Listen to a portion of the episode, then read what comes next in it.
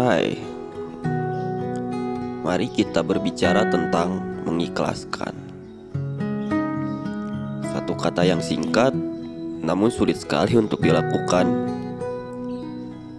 apalagi untuk merelakan seseorang yang kita sayangi.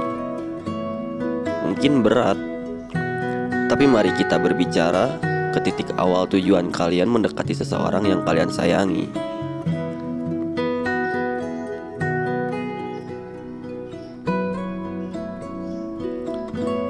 Apa tujuan kalian mendekatinya?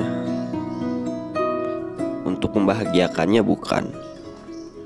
Atau hanya sekedar rasa ingin memiliki? Jika bertanya padaku, mungkin aku ingin memilikinya. Karena naif rasanya kamu mendekati seseorang tanpa berharap ingin memilikinya. Tapi apakah membahagiakan itu harus memiliki? Apa harus memiliki terlebih dahulu? Kurasa tidak. Kadang kita harus berbicara lebih dari sekedar memiliki. Apa itu? Membahagiakan tanpa harus memilikinya. Terasa tak adil bukan? Merasa sia-sia atau apa? Jika tujuan kita membahagiakan, biarkan dia bahagia, sekalipun bukan dengan dirimu, karena tak ada hal yang disia-sia ketika kalian tulus menyayangi seseorang. Percayalah, jalan Tuhan selalu indah. Apa yang diberi Tuhan adalah yang terbaik bagi kita.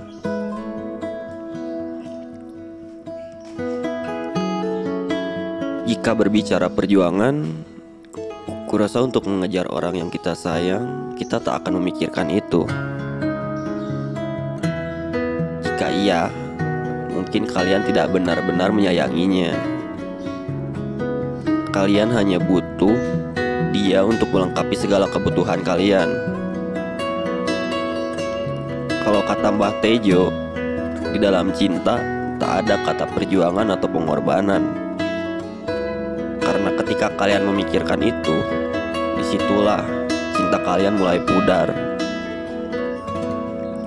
Dan jika dosenku bilang, bukan cinta yang kalian bicarakan. Jika akhirnya hanya menuntut hubungan dan nantinya berakhir dengan perbedaan. Klise. Kamu boleh mencintai siapa pun, tapi jangan pernah memaksa cinta seseorang untuk siapa pun. Sekalipun pernah begitu dekat denganmu, ikhlaskanlah.